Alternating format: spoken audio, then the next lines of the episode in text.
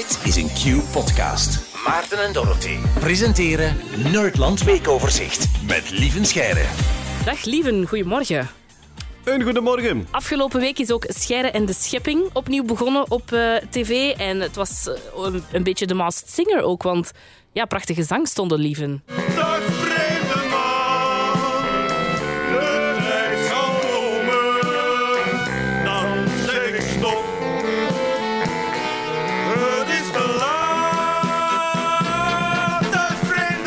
Mooi gezongen. eh, misschien een beetje context eh, of zo. Nee. Ehm, ja, ik heb een nieuwe huisband. Dus in de vorige seizoen in Scheire de Schepping was dat eh, Stijn Kolen, die als eenmansorkest eh, Juist. keyboard en beatbox en zo eh, deed. En nu heb ik de verdampte spielerij aan mijn zijde. Dat is een soort prettig gestoord saxofoonkwartet die uit de Aalsterse sferen komen. En af en toe mag, mocht ik meezingen. Want de verdampte spielerij spelen zowel klassieke muziek als eh, volksmuziek. En die hebben ook een soort karaoke-formule. hè. Dus dan kunnen ze inhuren en dan krijg je een lijst van alle liedjes die ze kunnen spelen. Karaoke wordt ook bij hen met een C geschreven, omdat zij een niet nader genoemd biermerk eh, consumeren eh, tijdens eh, het, de, de- het spelen. Hè. Ja. Cornet dan, of wat? Kara. Kara. Ah, ja, ja, met Aalst hadden we het kunnen weten Ja, natuurlijk. ja, tuurlijk. Ja, tuurlijk. kijk, Kara, oké, ja, ik ben mee. Oké, oké, oké. Goh, man. Het gaat traag vanochtend. Ja, de week is nog maar net begonnen. Het is nog maar dinsdag. Voilà. We geraken voilà. eruit. Het Nerdland weekoverzicht, waar gaan we het over hebben, Lieven? Ah, ik heb een poëtisch onderwerp voor jullie vandaag. We hebben eindelijk ontdekt hoe walvissen kunnen zingen. We moeten nog ontdekken hoe het komt dat Lieve Scheire kan zingen. Dat ja, is, eh, kunnen zingen zou een. Ja. raadsel. Oké, walvissen dus. Ja. Het heeft te maken met trillend vetblubber, dus ik denk dat het in de gelijke lijn ligt. eh. Het is een publicatie in Nature van eh, de voorbije week. Eigenlijk onderzoek naar hoe produceren walvissen hun typische geluid zo diep onder water. Want de druk is daar heel hoog. Hè. De waterdruk, enfin, niet de druk om mooi te zingen, maar de waterdruk is daar, is daar zeer hoog. Wat dat toch allez, voor, voor enkele raadsels zorgde. Om te beginnen, je zei daarnet, we wisten al dat walvissen kunnen zingen. Weet je hoe lang we dat weten, dat walvissen zingen? Nee? Eh, we- gokje 50 jaar. Ja, inderdaad, nog maar 50 Ah, jaar. oei, dat is nu Dus- wel echt een wilde Wow. gok. Nee, wel serieus. Ja, dank je. Respect. Ja, ja, effectief. Dus voor de jaren 70 wist de mens dat gewoon Ah, niet. oké. De reden dat de mens dat niet goed wist, is omdat walvissen voor het grootste stuk onhoorbaar zingen. De walvissengezangen die ze gebruiken om te communiceren zitten op frequenties die wij niet kunnen horen omdat ze te laag zijn, onder de 50 hertz. En nu denken jullie waarschijnlijk, maar ik heb toch van die cd's gekocht van Ingeborg met walvissengeluid op. Ja, dat, dat dacht ik. Ja, ja, want ik heb dat hier ook. Hè. Walvissen geluid, dat is toch echt zo... Ja. En nu ga je hem horen, hè. Wacht, hè.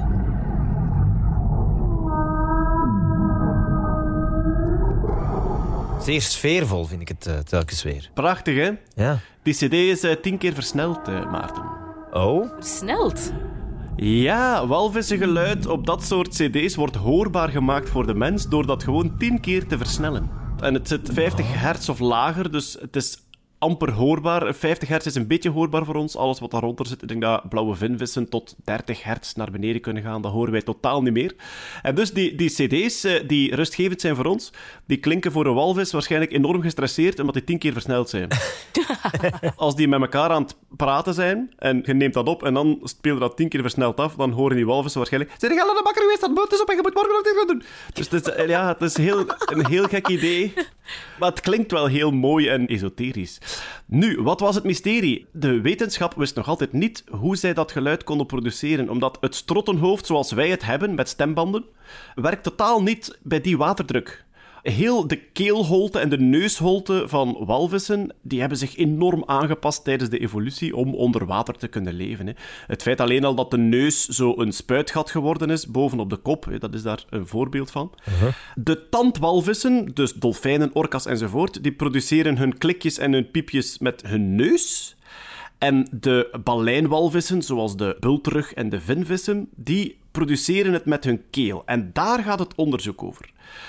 Wat is er gebeurd? Het strottenhoofd van de walvis is veel steviger en veel langer geworden om te kunnen blijven ja, bij die waterdruk de keel open te houden. Want leefden walvissen dan vroeger niet onder water? Aha, de walvis stamt af van een hertje. Miljoenen jaren geleden was er een moerashertje. Dus eh, dat rondliep in het moeras en dat dus in en uit het water ging. En dan hebben ze gemerkt aan de fossielen tijdens de evolutie is dat dier meer en meer tijd in het water beginnen doorbrengen, omdat het daar veiliger was voor roofdieren.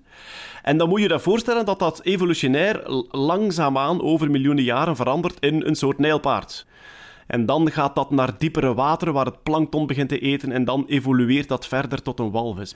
Eh, dus die stembanden, die keel en die stembanden zijn mee geëvolueerd. Ehm, en dat was een beetje een raadsel van hoe maken zij nu dat geluid, want het kan onmogelijk gaan op de manier waarop zoogdieren eh, op land dat geluid maken. Ehm, en eh, daarvoor hadden ze dode walvissen nodig. En die vind je niet zo vaak omdat we gelukkig gestopt zijn met daarop te jagen. Eh, maar ook omdat aangespoelde walvissen vaak al aan het vergaan zijn. Dus ze hadden verse, verse dode walvis-strottenhoofd hadden ze nodig. Ehm, en uiteindelijk is het gelukt. Ze hebben van een paar gestrande walvissen de hele keel er kunnen uithalen. En dan waarschijnlijk met een vrachtwagen naar het laboratorium gestuurd. Ja, je moet al wat plaats hebben. hè. Je moet al wat plaats vrijhouden in je laboratorium. Hè? Dat is waar, ja, inderdaad. Eh, en dan hebben ze daar gewoon lucht door geblazen om te zien wat, wat er gebeurde.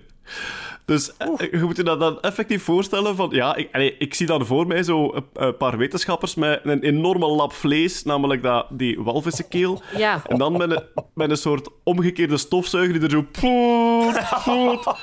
Het lijkt mij eh, geen smakelijk onderzoek om uit te voeren. Nee, nee, ik denk het niet. Ja. En dan effectief... poet. Dat was een goede Gerard. Doe nog eens... Ehm, wat hebben ze ontdekt? Eh, Het strottenhoofd van de walvis is heel lang en heel stevig geworden om die waterdruk eh, te kunnen weerstaan. Heeft een soort U-vorm gekregen. En als ze daar lucht door blazen, dan was het niet de keel zelf, maar was het dus een vetkussen naast de keel dat begon te trillen op die specifieke frequenties. Dus eh, ja, evolutionair heeft dat, dat toch een manier gevonden om ja, een, een, een deel van het lichaam dat naast de keel ligt te kunnen doen trillen. Walvissen zitten vol met, met vet, hè. dat zijn grote vetblubbers. Allee, het is nu geen body shaming Nee, of zo, voilà. maar dat is, Ja, dat pas is op, hè. zo. Ja, maar ja. Eh, ja, voilà, die, die, eh, die hebben dat nodig als isolatie en als, als ehm, eh, voedselreserves enzovoort. Dan hebben de onderzoekers verder gekeken, liggen er ook spieren naast dat trillende stuk waarmee ze dat kunnen aanspannen? Want anders kan je niet van frequentie veranderen. Nee, anders zouden die gewoon één toon maken. Maar als je met spieren dat een beetje aanspant, ja, dan is dat alsof dat je je vingers op een gitaarsnaar zet en kan je eigenlijk andere frequenties beginnen maken ook. En die hebben ze ook ontdekt. Dus eh, ze, hebben nu eigenlijk gezien welk stuk er trilt bij walvisgehuil, hoe ze dat met die spieren kunnen aanpassen in eh, frequentie.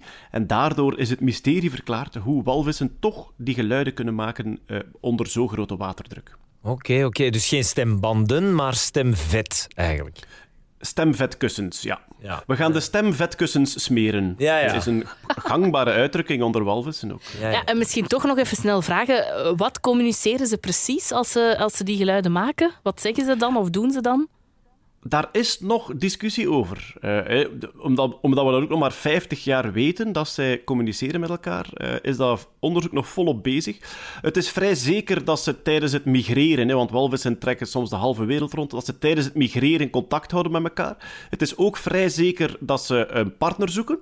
Dus dat eh, de, de mannetjes zingen zeer luid in, eh, in de paartijd. Dus dat is zo goed als zeker voor het zoeken van een partner.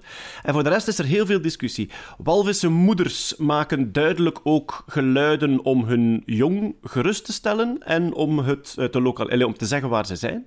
Ehm, en er wordt zelfs gespeculeerd, dat is zuivere speculatie, maar er wordt gespeculeerd dat eh, walvissen zouden zingen voor het plezier. Oh, Ehm, er, ja, er, er zijn bepaalde walvisgedragingen waar we nog niet helemaal uit zijn. En dat is zoals het springen van dolfijnen. ehm, het, eh, het breachen van de bultrug. Hè, zo die bultrug die eh, half uit het water springt en Ja. dan met zijn rug terug naar beneden kletst. Ehm, en er wordt dan gezocht... ehm, heeft dat nut? Is dat om de walvisluizen van hun vel eh, te krijgen? Of is dat gewoon speelgedrag? En dat weten ze dus nog niet. Dus misschien zingen ze wel voor het plezier, ja. Oké. Zeer interessant. Veel bijgeleerd. Waarvoor dank, lieve Scheire. Met plezier. Dit was een podcast van Q-Music. Wil je meer? Wil je meer? Kijk op qmusic.be.